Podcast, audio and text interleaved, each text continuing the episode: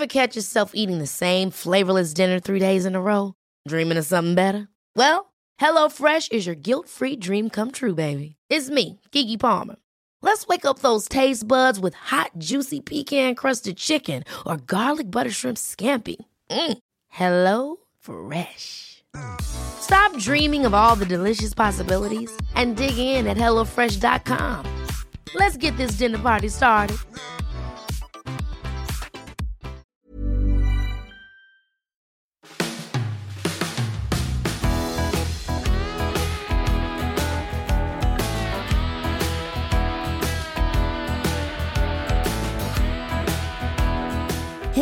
Välkommen till Udda Jämt, en podd om vårt liv som är precis som det låter, udda, jämt. Det är lite olika tillfällen bara som avgör vem av oss som står för det namnet. Den här podden drivs av mig, Annika, 50 år, som både kan vara klok och vimsig, och min son Lukas, 21 år, som har ADD och Asperger.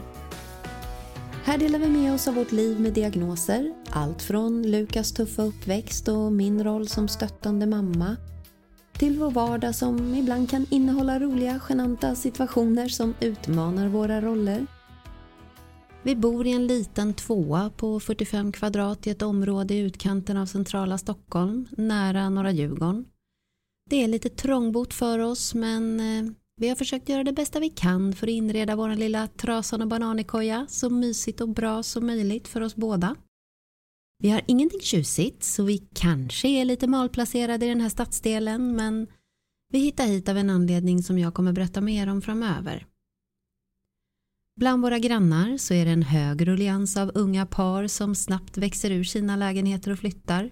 Men Lukas och jag har blivit kvar och vi har väl bott här i drygt 11 år nu.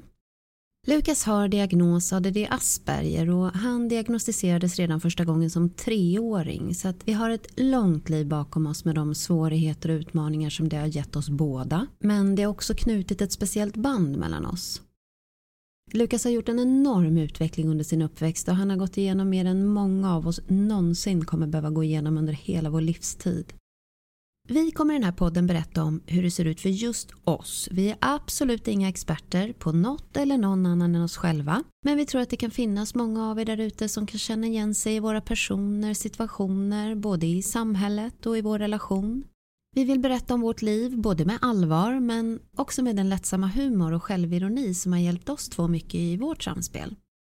Kanske kan vi hjälpa till med lite igenkänning och förhoppningsvis kanske kunna bidra med något som kan hjälpa er om ni har hamnat i något som vi har hittat en bra lösning för. Och känner ni inte igen er så ja, då kanske vi i alla fall kan underhålla er lite, bjuda på något skratt och intressanta samtal. Vi kommer ta upp vardagliga händelser i våra liv, gammalt som nytt, Lukas relation till mig, till sin pappa, hur våra personligheter kan krocka och försätta oss i roliga situationer. Vi kommer även fördjupa oss i hans uppväxt, förskola, skola, hans egna tankar och känslor kring det här och min mammaroll och samtidigt vara singel och livet med dating och försöka träffa någon och hur den delen påverkat oss på olika sätt. Och få leva med den här klassiska kommentaren att man curlar sitt barn och särskilt då från personer utan barn eller de som är långt ifrån kunskap om de här kämpande individernas behov vad det är mycket som vi har haft och har i vårt liv som vi vill dela med oss av till er. Utmaningarna de har varit och är stora. De förändras bara med åldern och kraven ökar när det är dags att ta sig an det vuxna livet. Och det som står på vår lista just nu det är körkort, vägen dit, skola, jobb. Att kunna presentera sig rättvist i de här situationerna och bli förstådd och få den hjälp man behöver.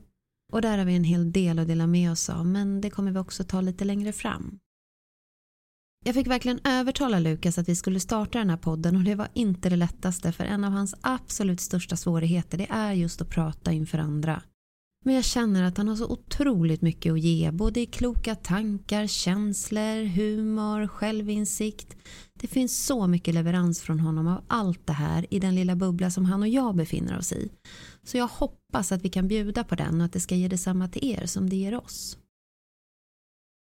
I just det här avsnittet då kommer jag berätta en del om mig, min och Lukas relation och även lite om Lukas och hans behov. Men sen kommer ni få bekanta er mer med Lukas i nästa avsnitt. Där kommer han berätta lite mer själv. Ja, Annika, jag har ingen utredd diagnos men om jag skulle gissa så skulle jag nog kunna tro att jag har ADD och det baserar jag på att jag har en viss koncentrationssvårighet, överkänslighet, oro, ångest. Men mitt största problem det är min överkänslighet och den kommer jag prata en hel del om här för den har även Lukas. Så att vi är två personer som går omkring här hemma och pratar med Teletubbies-röster till varann och lägger mycket tid och tankar på den andras bästa. Fast vi är så otroligt nära varandra på många sätt. Och särskilt Lukas, han har en väldig artighet och den har han även mot mig. Kommer jag till exempel med mattallriken så skiner han upp och tackar så hemskt mycket. Han är oftast den som är artigast och visar mest tacksamhet även när det bjuds på saker om kompisar är här fast i hans eget hem. Och då vill jag verkligen förtydliga att han har väldigt artiga och trevliga kompisar så att det är absolut inte de som står för att han hamnar högst på prispallen där. Och det här är ju på gott och ont såklart. Förutom de behov som är vanliga för Lukas diagnoser som behov av struktur, veta vad som ska hända, svårt med förändring, spontana förslag så finns det även en stor empati och omsorg för andra. Han har alltid haft svårt för spontana förslag och det är oavsett om de är roliga som att gå på bio eller Gröna Lund. Imorgon är det tidigaste dagen man spontant kan föreslå. Och då vill Lukas gärna veta vilken tid vi ska åka, när vi ska åka hem, ungefär vad jag tänkt att vi ska göra där. Ska vi till exempel åka till stan och handla kläder åt honom då vill han gärna veta hur många stationer vi ska åka med tunnelbanan. Hur många affärer jag har tänkt att vi ska gå i. Vilket inte är det lättaste med mamma som har dålig impulskontroll och älskar shopping. Lukas har en överartighet och ett ständigt leende på läpparna och det är ett leende som nästan är som en mask som åker på honom så fort han är med mig eller andra personer. Han är sällan avslappnad ens i ansiktet i sociala sammanhang. Det där leendet det är nästan som fastklistrat då. Han har alltid haft svårt att trivas utomhus. Sol och värme är värst. Insekter har alltid varit ett stort motstånd för att vara i gräs och grönska. Lukas trivs allra bäst inne på sitt rum. Hans egna lilla koja som han har fullständig kontroll över och där han har det han behöver för att kunna släppa sin artiga gard. Där finns allt för hans bästa avkoppling gaming. Han är en riktig gamerkille som lever i sin spelvärld. Han är däremot väldigt noga med struktur och ordning där också så att han sitter inte uppe hela nätter och han går alltid upp vid 10, senast 11 tiden även på helger och det är oavsett om det har blivit sent. Sådana rutiner tycker han är viktigt och det är jag jätteglad för. Han är killen som gärna vill hålla god ton i spelet och blir ofta medlaren när andra spårar ur. Han jobbar även där mycket med humor för att lossa knutar som det blir ibland. Socialt samspel och relationer har alltid varit svårt för Lukas. Och det har inte fallit sig naturligt att läsa in omgivning och lära sig hur man gör när han har växt upp. Han har alltid lärt sig via att härma och fråga sig till hur man ska göra. Och så har han varit sedan han var liten. Då kunde han till och med ljuda en mening på samma sätt som jag. Hans telefonsvarare som han läste in vid 10-11 års åldern det är ordagrant mina ord från min telefonsvarare och han har till och med samma ljudning. Och jag har fått honom att spara den så han har den än idag. Det är så gulligt. Han har frågan när han fyller år hur han ska tacka för presenter, om han ska krama, vad han ska säga. Men de vänner som han har lärt känna och haft omkring sig i sin uppväxt som han känner sig trygg med och höra honom då, det kan vara som att lyssna på vem som helst. Han skrattar, skämtar och då kan han till och med ta rollen som huvudpersoner i gruppen. Ska de iväg någonstans då vill han gärna checka att alla har med sig busskort och det de ska ha med sig. Men han kan också stressa upp sig om det blir högljutt eller om det på något sätt verkar störa omgivningen. Nu i vuxen ålder så kan ju tyvärr inte jag som mamma vara drivet till att relationer med kompisar underhålls längre så att nu är det glest med Lukas gemenskap, det är mest online. Där umgås han ändå ofta med andra och har kul när han väl har blivit tillfrågad att följa med på fest till exempel då har han oftast inte gjort det för att han har inte känt sig bekväm och då valt att stanna hemma. Han har alltid haft svårt, nästan omöjligt att sova borta. Vi har testat det där med kollo men ja, vi var tvungna att komma och hämta honom redan dag två. Han har till och med svårt att vara borta en längre stund. Han vill snart hem. Lukas är alltid själv nu för tiden och det är svårt att se det men när vi pratar om det så verkar det som om jag mår sämre över det än han så att jag får hoppas att det är så. Lukas har alltid haft svårt att uppskatta mat. Det är fortfarande väldigt få saker han tycker om och han vill gärna ha samma. Det är svårt att väcka nyfikenhet och testa nya smaker. Som jag då, som själv inte missar en enda godis eller glassnyhet för mina smaklökar, de vart inte äldre än 12 år så att jag älskar godis, glass, Pepsi Max men jag har ännu inte lärt mig det här med goda ostar och fina viner. Om jag kommer hem med iver och spänd förväntan för jag är övermannad av gårdagens reklam om en ny god chokladkaka så får jag inte med mig Lukas i samma entusiasm och iver över att slita upp pappret och smaka innan man knappt hinner innanför dörren. Och särskilt inte om smaktestet sker innan maten, för man väntar tills efter maten. Så jag brukar få smaka själv, för jag kan inte vänta. Och Lukas brukar oftast komma fram till att hans gamla favoriter är bättre. Det som är så fascinerande med Lukas, det är hans bottenlösa förståelse och klokhet kring andra människor och deras olika beteenden. Det är som det bor en man i honom som måste genomgått flera hundra år av olika relationer, kvinnor, män med olika behov. Ser vi på Robinson till exempel, om någon är dum och freakar och jag kanske häller ut lite kommentarer om det, då är han snabbt där och ställer sig bakom den här personen och förklarar vad det är han känner och att han känner sig ledsen för att alla är på honom och han känner sig lite utanför och då blir han arg istället för han kan inte visa det på något annat sätt. Och det här kan han läsa av och förstå fast han själv typ inte ens kan bli arg. Han blir ju ledsen istället. Han har själv sagt att han inte ens är säker på att han har känt ilska. Men en av de saker som Lukas har jobbigast med det är att han är så otroligt mån om hur jag mår och har det. Och det är så starkt i honom så det är nästan som ett litet tvång. Vi har verkligen försökt jobba med det här hos olika terapeuter, både ihop och Lukas själv. Det har funnits i honom i många år nu och han kan inte ens gå ut i köket och hämta något till sig utan att fråga om jag har allt jag behöver, om han kan göra en smörgås åt mig, fixa något att dricka eller något annat. Han kan känna av en känsla jag har utan att jag nämnt ett ord om det ens. En liten skitsak som häromdagen, då var jag rätt grinig på onlinebutiken Zalando för jag var inte överens med deras sätt att hantera returer. Så jag hade mejlat med dem strax innan Lukas kommer ut i köket och där står jag och plockar upp ur diskmaskinen så jag ler och säger hej och han hälsar glatt tillbaka. Och sen är det ett par sekunders tystnad medan han tar fram glas och saft. Är det något? frågar han. Nej, det är ingenting, säger jag. För det är ingenting. Det här är ingen större grej, jag är lite irriterad bara och tänker på vad vi har skrivit. Men det räcker för honom. Och det här har vi verkligen stött och blött med varann. Det känns omöjligt att få honom att släppa det fokuset. Han måste försäkra sig om att han inte kan göra någonting för mig, att allt är okej, väldigt ofta. Och det här är oavsett att jag har försökt säga till honom, att jag lovar att säga till om jag behöver hjälp. Han vill försäkra sig ändå. Han är ju dessutom en otroligt hjälpsam kille. Så det här vart även en grej i skolan när han gick i gymnasiet. På ett av våra möten vi hade med läraren då, då tog läraren just upp det här att Lukas ofta läser av rummet och vill hjälpa dem som sitter och väntar på hjälp när han själv är klar. Och att läraren har sett att det här samtidigt blir lite stressigt för Lukas och han behöver inte tänka på det för det är inte hans uppgift. Han måste tänka lite mer på sig själv. Är jag borta, då hör Lukas ofta av sig för att kolla om allt är okej med mig.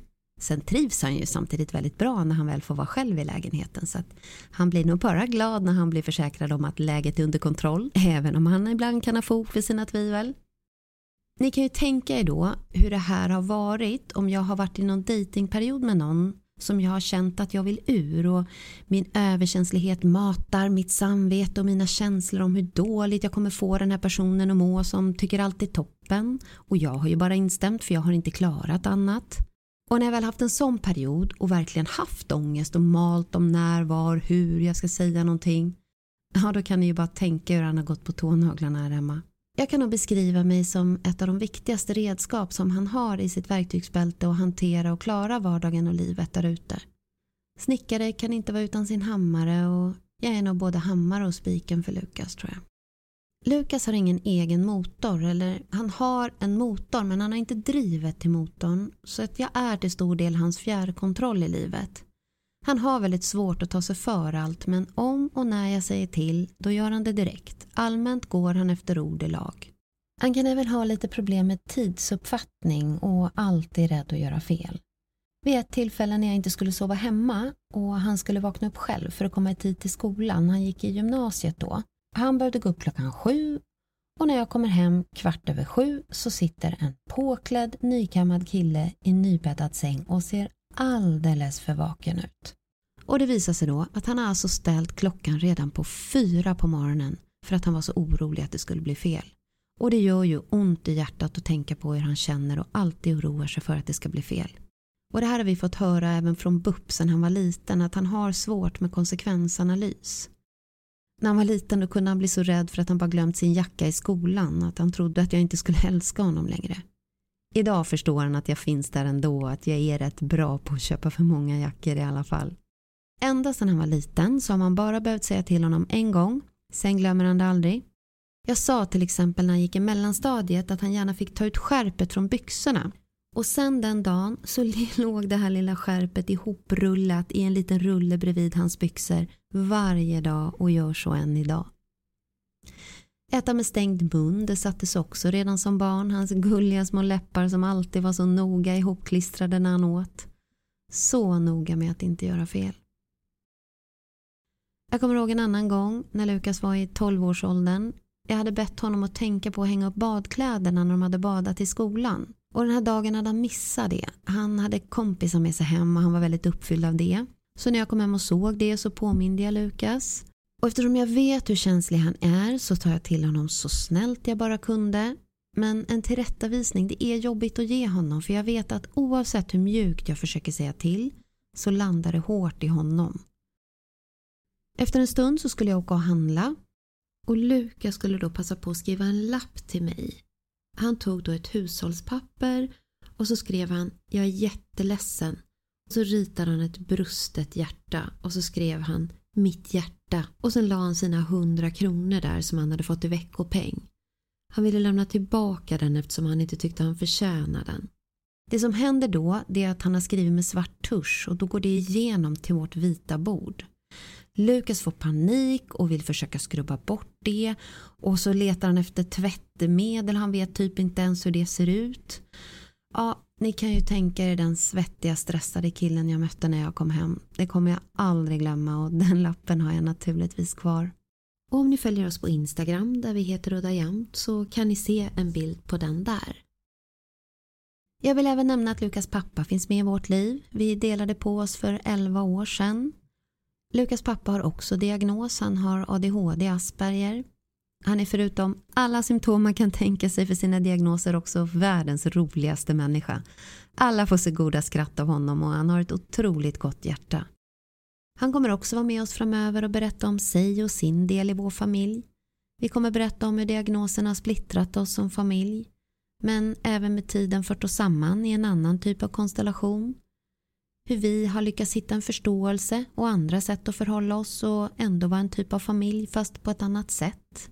Han kommer berätta om de svårigheter som han har som pappa både inför mig och Lukas. När vi separerade då var det naturligt att Lukas bodde med mig på heltid. Och som om familjen inte har tillräckligt med särskilda behov och svårigheter så skaffade vi oss också en liten hund. En liten chihuahua shih tzu som heter Alice och hon är tre år gammal nu. Vi har haft hund hela våra liv tillsammans men vi har aldrig haft en hund med så tyvärr säker diagnos ADHD. Hon uppfyller alla kriterier men hon har också lyckats få det där drivet och speciella förmågan som man kan utveckla med den här diagnosen. Så hon är otroligt lyhörd för kommandon och inlärning. Hon har fått smeknamnet Kaoset för att hon har väldigt dåliga nerver och ser till att skapa problem och konflikter så fort hon får möjlighet. Hon har definitivt problem med sitt psyke. Ingen dålig uppväxt, det vart bara hennes gener. Men hon är också alldeles fantastisk. När jag köpte henne så var det för att jag brukar passa en kompishund som har samma ras, som heter Molly. Hon är motsatt Alice. Nätt i kroppen, den vänaste, lugnaste man kan tänka sig. Vill bara ligga skönt i famnen och förbruka så lite energi som möjligt. Älskad av alla. Vem vill inte ha en sån hund? De vart istället varandras antagonister. Lukas pappa döpte dem självklart till morfinet och kokainet och det passar dem som handen i handsken. Men tillbaka till mina egenskaper och hur jag fungerar. Förutom förvirrad och klumpig så är jag i mina känslor. Gör jag mig illa, då hörs det. Sen kan jag falla in i skratt kort efter det om jag ser eller hör något roligt. Det finns inte så mycket utrymme för förberedande information där. Just det Lukas behöver så jag kan ju också vara hans spik i foten. För han läser nämligen in alla mina ljud, vilket känslospann jag befinner mig i från sitt rum och kommer ofta ut efter några aj och oj som min klumpighet levererat för att kolla att allt är okej. Och då kanske jag redan är inne i en glad sång som jag tycker jag förtjänar efter att ha haft lite ont. Så han hinner inte riktigt med mig i mina känsloresor alltid och det kan vara jobbigt för honom. Andra exempel på mina tvära känslokast kan vara att jag till exempel kör bil och kan gå från att vara arg på någon i trafiken och ge Lukas som sitter bredvid en lång redovisning om vad den här föraren gör för fel och hur hänsynslös och taskigt han beter sig. Och sen när jag sagt mitt och bilen är borta då kan jag på en sekund infinna mig en bra låt på radion och sjunga med mitt högsta och ropa Åh, lyssna Lukas, den här älskar jag! Med min gladaste entusiasm och lycka över hur bra jag tycker den här låten är. Kan du ge mig mitt läppstift i yttre facket på väskan förresten? Och han har då uttryckt vid ett tillfälle Alltså du är helt otrolig. Man sitter här och det är som man kollar på en tråkig dokumentär på SVT och så byter någon plötsligt kanal och så är det Disney Channel och Barbie istället. Och vara en känslomänniska det innebär också att jag som Lukas uttrycker det ofta häller ut mina tankar som ibland borde stanna kvar där inne där de bor. Tittar vi till exempel på film, då kan jag bli väldigt engagerad och vilja kommentera. Och det kan ju då också vara helt fel sak jag kommenterar. Vid ett tillfälle till exempel, då tittade vi på trillen Walking Dead med zombies. Och det var ett läge där den här jagade stackaren efter nästan ett helt avsnitt med en hord av zombies efter sig äntligen hittade ett tak att vila upp sig på. Och när han sprang mot det här taket så sprang han igenom en butik och så tar han någonting från hyllan. Och när han väl är uppe där på taket, istället för att pusta ut och hans vägnar då så utropar jag Och kolla Lukas, det är Nutella han äter, fan vad gott! Och det är bland annat då han ber mig stänga munnen och inte hälla ut mina tankar. Jag har väl också en förmåga han tydligt notera att jag gärna använder för mycket rörelser med min kropp och mina gester. Om vi till exempel är ute och går och jag vill peka på något och visa honom, då tar jag tydligen i lite för mycket uppmärksamhet än jag behöver och det här är ju särskilt besvärande för en kille som vill göra allt för att synas så lite som möjligt. Jag har tydligen en förmåga att peka med hela armen sträckt rakt ut och fingret lika så, väl riktat mot mitt mål. Du pekar som en femåring mamma. Man kan peka lite med fingret, inte hela armen rakt ut. Jag har inte lärt mig det än. Jag kan nog inte räkna de jackryck som jag har fått vid övergångsställe och röd gubbe om jag bara vill smita över för bilarna är ju långt borta ändå. Men icke, jackrycket stoppar mig i steget. Jag får vänta tills det blir grönt för det är då man går över. När han ska visa saker på datorn då tittar jag tydligen med hela huvudet har han noterat, inte bara med ögonen utan jag flyttar huvudet från höger till vänster, upp och ner. Det är inte lätt att göra rätt. Det är såklart mycket han stör sig på i vår mamma-son-relation, helt naturligt. Han har däremot stora svårigheter att leva ut de här negativa känslorna eller ens säga dem. Och det måste ju vara så otroligt jobbigt att gå omkring i sitt eget hem och känna att man måste vara glad och överartig även mot sin egen mamma. Och det har inte spelat någon roll hur många KBT-tricks som jag har försökt mig på efter åtskilliga försök att komma till rätta med det här hos olika terapeuter. Träna och släng i dörren Lukas, be mig dra åt helvete, träna, jag kommer stå kvar. Han har ändå aldrig ens varit nära och testat att ta bort leendet så att där går vi bet. Men Lukas har hittat sin strategi som fungerar för honom och det är humor. Han har världens bästa sätt att förmedla sin irritation över mina tantiga, mammiga, förvirrade beteenden. Till exempel så har han gett mig två personligheter. En är jag, Annika Tell, och den andra heter Jasmine och henne har han döpt från prinsessan i Disneyfilmen Aladdin.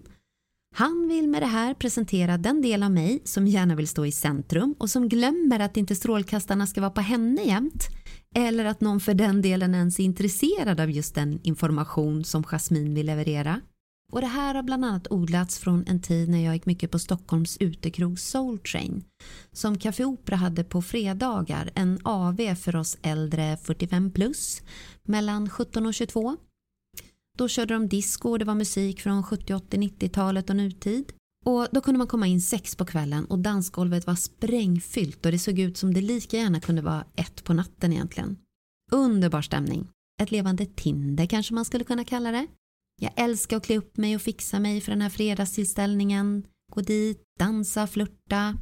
Uppmärksamheten där var något jag både tyckte var härligt men också lite jobbigt med min överkänslighet för jag hade så himla svårt att vara tydlig. Och värst var det ju med de som var lika mycket stammisar som jag. Jag sa alltid Ja, visst, vi kan ta en drink sen, jag ska bara dansa lite eller ja, jag vill också gärna byta nummer men vi kan ta det lite senare, jag ska bara dansa lite. Och sen fick jag smyga längs väggarna hem och motigt att gå tillbaka nästa gång och kolla efter alla jag lovat olika saker. Men när det var dags att gå hem vid 22-tiden, då var det bäst att hänga med koflocken ut, för efter 22, då var det den yngre publikens tur.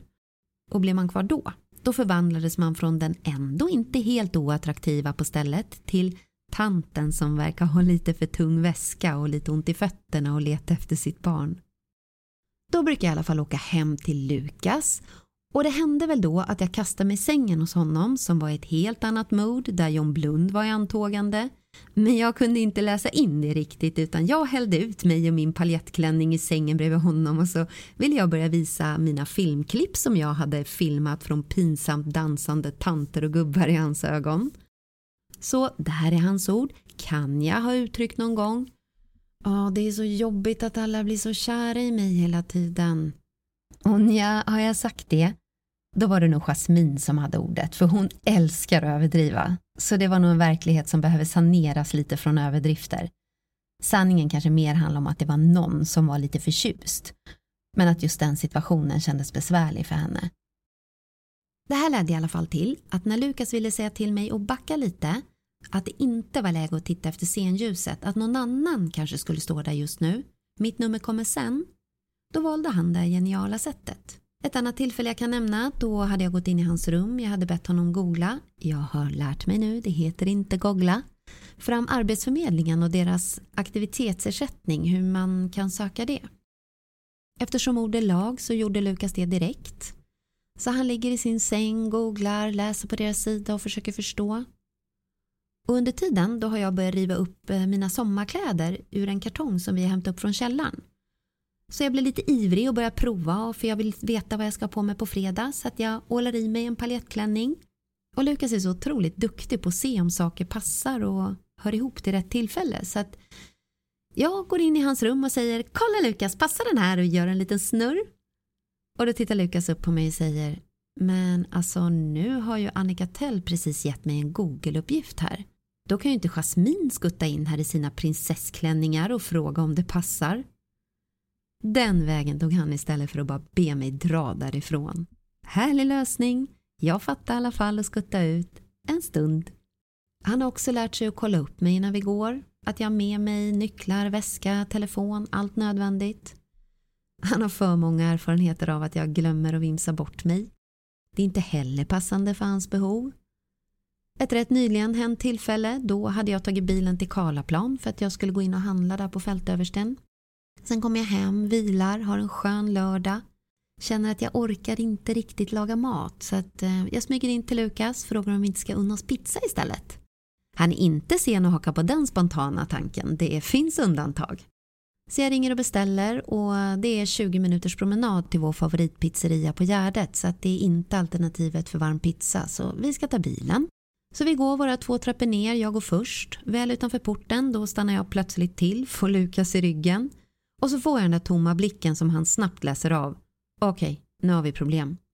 Jag tar några steg ut i gatan, slänger mig min väska, kollar höger, kollar vänster. Ingen bil. Lukas hinner tänka, okej, okay, hon har glömt att hon har ställt den på baksidan, det händer ofta. Sen hör han mitt. Nej, jag orkar inte! Då kommer jag på att jag har glömt bilen vid Karlaplan. Jag har helt enkelt, för just min hjärna, tagit bilen dit men åkt tunnelbana hem. Vi fick dra livlinan och ringa Lukas pappa som turligt nog var hemma och bor nära pizzerian så han fick rycka ut. Han är väl inte heller helt ovan vid mina svagare sidor så allt löste sig som det brukar göra med lite hjälp. Have catch yourself eating the same flavorless dinner three days in a row? Dreaming of something better? Well, hello fresh is your guilt free dream come true baby. It's me, Gigi Palmer. Let's wake up those taste buds with hot, juicy pecan crusted chicken or garlic butter shrimp scampi. Mm. Hello Fresh. Stop dreaming of all the delicious possibilities and dig in at HelloFresh.com. Let's get this dinner party started.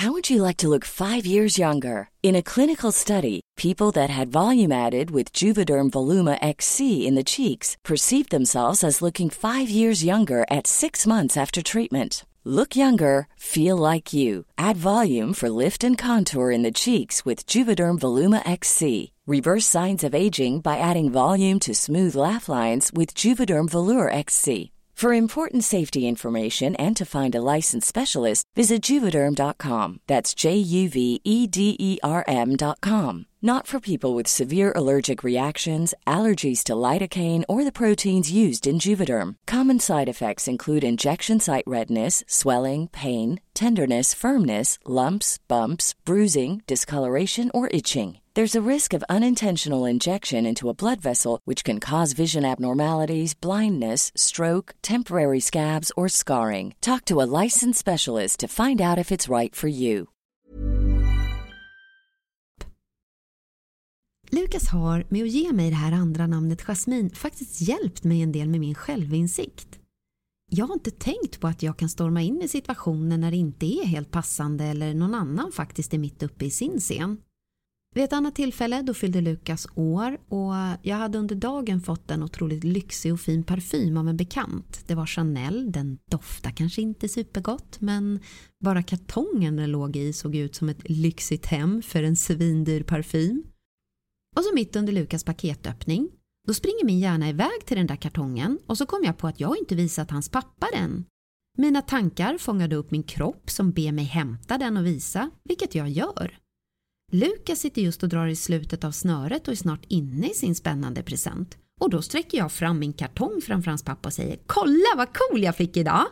Och då är Lukas snabb och säger “Men alltså nu är det min stund här. Jasmin får sätta sig ner och vänta på sin tur.” Attans vilken knock av självinsikt. Jag backar snyggt i bild, sätter mig och väntar på min tur. Förutom alla egenskaper och diagnosindikationer så är jag också på väg in i klimakteriet och 50-årsåldern och allt vad det kan innebära. Det är helt klart förändringar i både kropp och person som man inte tror ska hända en själv. Bland annat så har jag börjat lägga mig i saker som inte är viktiga utan mer av princip. Jag har börjat tycka att princip, det är ett bra ord och betydelsen är inte helt oviktig. Där vi bor så är det sex boende i vår port och det är tre våningar så det är två på varje våning. Vi bor på andra. Mellan första och andra så har vi en gemensam balkong. Jag älskar balkong och jag saknar det väldigt mycket. Så mycket så att jag nyligen bestämde mig för att göra mig en egen inomhusbalkong vid det enda lilla fönster som vi har i vardagsrummet som man kan komma fram till. Där fanns en liten yta som jag bestämde mig för att göra det bästa jag kunde av.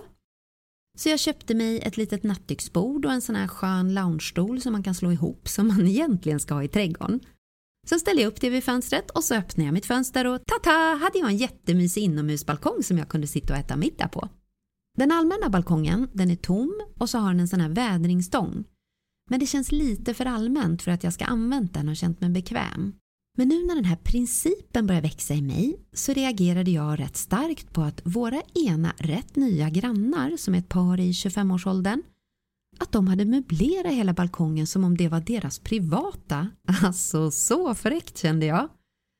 Det var blommor överallt, till och med i den här vädringsstången hade de hängt en sån här hängblomma. Det var bord, stolar, ljuslyktor, kuddar, filtar, matta, allt. Min irritation växte över den här fräckheten att ta vår balkong i egen besittning. Så det här slutar med att jag en lördagkväll, när jag normalt borde vara ute på stan och jaga män, öppnar vårt lilla badrumsfönster som ligger strax ovanför balkongen. Så jag hänger ut för att fota den här lilla oförskämdheten om jag behöver bevis ifall jag vill ta upp det här lilla övertrampet med föreningen. Så jag ser mig själv utifrån. Jag hänger ut, fotar i olika vinklar. Allt ska med. Filtar, blommor, matta. Ja, fem, sex bilder fick det bli. Sen sätter jag mig ner och skriver ett mejl till föreningen där jag ställer frågan vad reglerna egentligen är för de här allmänna balkongerna.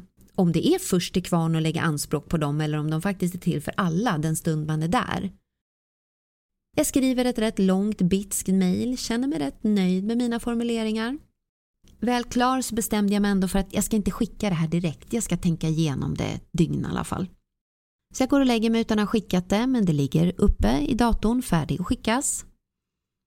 Och så dagen efter när jag vaknar upp då är det söndag och så ska jag åka och fika med en kompis på förmiddagen.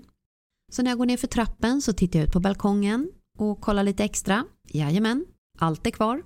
Och sen åker jag till min kompis. Vi är i samma ålder ungefär. Så att jag ventilerar det här principen med henne och berättar om de här grannarna och deras fräckhet.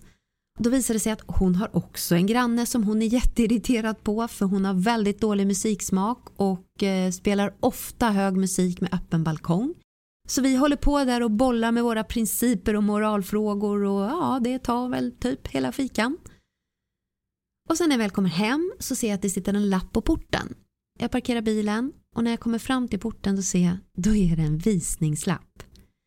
Det är alltså så att det här paret ska sälja sin lägenhet och hade stylat till det lite i trappen för att lyfta lägenhetens status lite med att det minsann finns en fin gemensam ompysslad balkong också. Jag suckar ju högt av lättnad att jag inte raceade iväg det här mejlet till föreningen. Så när jag kommer upp innanför dörren så häller jag ut den här höga sucken på dörrmattan, tittar in hos Lukas, berättar min lilla hemlighet som jag har burit för mig själv, hur irriterad jag har varit och att jag faktiskt till och med fotat mina bevis och nästan mejlat föreningen för att ta upp den här oförskämda dumheten av grannarna. Och då tittar Lukas upp på mig och utbrister. Men alltså du har väl aldrig varit intresserad av att använda den där balkongen ändå? Den har ju du bara använt när du ska impregnera våra skor och låta dem stå och vädra där. Den har ju ändå inte varit good enough för Jasmine. Hon har ju till och med gjort en egen inomhusbalkong så varför bryr du dig ens? ja, varför bryr jag mig ens? Förmodligen för att jag är 50 plus nu. Nu har ju dagens avsnitt handlat mycket om den personligheten i mig som ibland med fog kallas för Pippi den tårtbiten i min personlighet som inte blev riktigt vuxen och har sina svagheter som krockar med Lukas behov. Men samtidigt också gett mig och Lukas en annan typ av relation och tillfällen till skratt. Och det har ju även utmanat honom att växa och bli lite mer ansvarstagande för det har ju fallit sig naturligt för mig att känna in när i Lukas liv jag har kunnat släppa loss den här lite kaosiga sidan av mig. Och det var ju först när Lukas var omkring 15 år som jag kände att det började finnas lite utrymme för mig för lite verklighetsflykt genom lite danskvällar och dejting. Den större delen av Lukas uppväxt så har jag fått vara 100% fokuserad, problemlösande, krigande, den person som ensam fått se till att vi löst allt från skolgång, stöd, boendefråga, alla oändliga möten och samtal som vi har haft med olika instanser, tigermamman i mig som inte gett mig förrän vi hittar rätt förskola, skola, boende och allt som har kunnat ge Lukas den här möjligheten att utvecklas så fantastiskt som han ändå har gjort under sin uppväxt. Alla år av täta möten med BUP, nu vuxenpsykiatrin, stadsdelsförvaltningar, kompisar och olika relationer som han har behövt stöd i. Ja, det är väldigt många år där jag inte haft utrymme för att ens tänka tanken på en danskväll eller om jag haft ett läppstift i ytterfacket. Lukas uppväxt, diagnosutredningar, skolgång och andra stora utmaningar det är definitivt något vi kommer fördjupa oss mycket mer i framöver för tro mig, vi har verkligen krigat oss igenom extremt tuffa perioder. Att vara överkänslig och samtidigt Lukas verktyg både praktiskt och känslomässigt det är en väldigt tuff resa. Jag vill vända ut och in på mig själv och överkänsligheten den gör att jag lever mig in i personen Lukas men då med min egen bank av erfarenheter och känslor som inte alls behöver vara samma för Lukas som inte har samma behov och tankesätt som jag i alla sammanhang. En stor del av mitt liv går ju ut på att sätta ut flaggor för honom, flytta hinder, se till att målet är öppet för Lukas att gå in i. Något han inte har förmåga till själv. Jakten och kriga för att han ska få den rätta skolgången och den hjälp han behöver. Han var ju killen i klassen som var den artigaste och snällaste, han störde ingen. Men så till en milda grad att han vågade inte ens räcka upp handen när han inte förstod. Och det problemet syntes ju inte i klassrummet. Och det har varit tvungen att prata och kriga för honom och det har verkligen varit en hård väg med både med och motgångar som jag kommer berätta mer om framöver. Det jag i alla fall kan säga det var att från klass 6 då kom Lukas till himmelriket för barn med hans svårigheter. Hälleboröskolan. Resan dit är ett kapitel för sig. Men nu är det dags att sätta punkt för dagens avsnitt. Jag vill tacka för att ni har velat vara med mig idag och jag hoppas att ni vill hänga med oss även i nästa avsnitt. Ha en fin vecka och ta hand om varandra.